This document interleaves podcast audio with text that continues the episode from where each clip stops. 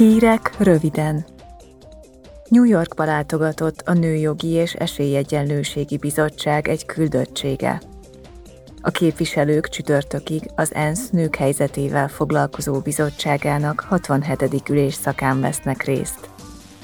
Idén a küldöttek az innováció és a technológiai változások kontextusában vizsgálják meg a nők helyzetét, különös tekintettel arra a szerepre, amelyet digitális korunkban az oktatás játszik.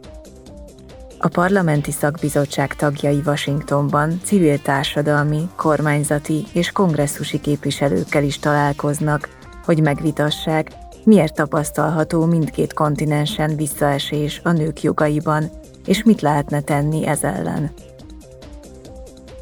Az Állampolgári Jogi, Bel- és Igazságügyi Bizottság a jogállamiság, a korrupció elleni küzdelem és a médiaszabadság helyzetét értékeli Aténban.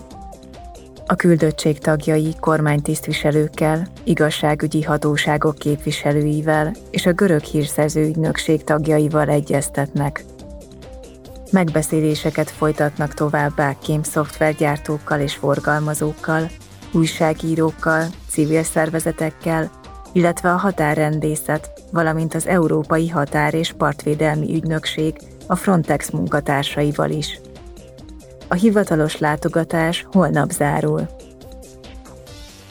Tegnap a Környezetvédelmi, Közegészségügyi és Élelmiszerbiztonsági Bizottság tagjai arról a közelmúltbeli bírósági ítéletről folytattak eszmecserét, Tegnap a Környezetvédelmi, Közegészségügyi és Élelmiszerbiztonsági Bizottság tagjai arról a közelmúltbeli bírósági ítéletről folytattak eszmecserét, amely a neonikotinoidokat tartalmazó rovarölőszerekkel kezelt vetőmagok forgalmazására és használatára elrendelt tilalom feloldásának egyes eseteit taglalja. Az ülésen szó volt annak az uniós kezdeményezésnek a felülvizsgálatáról is, amely a vadon élő beporzók pusztulását hivatott megállítani.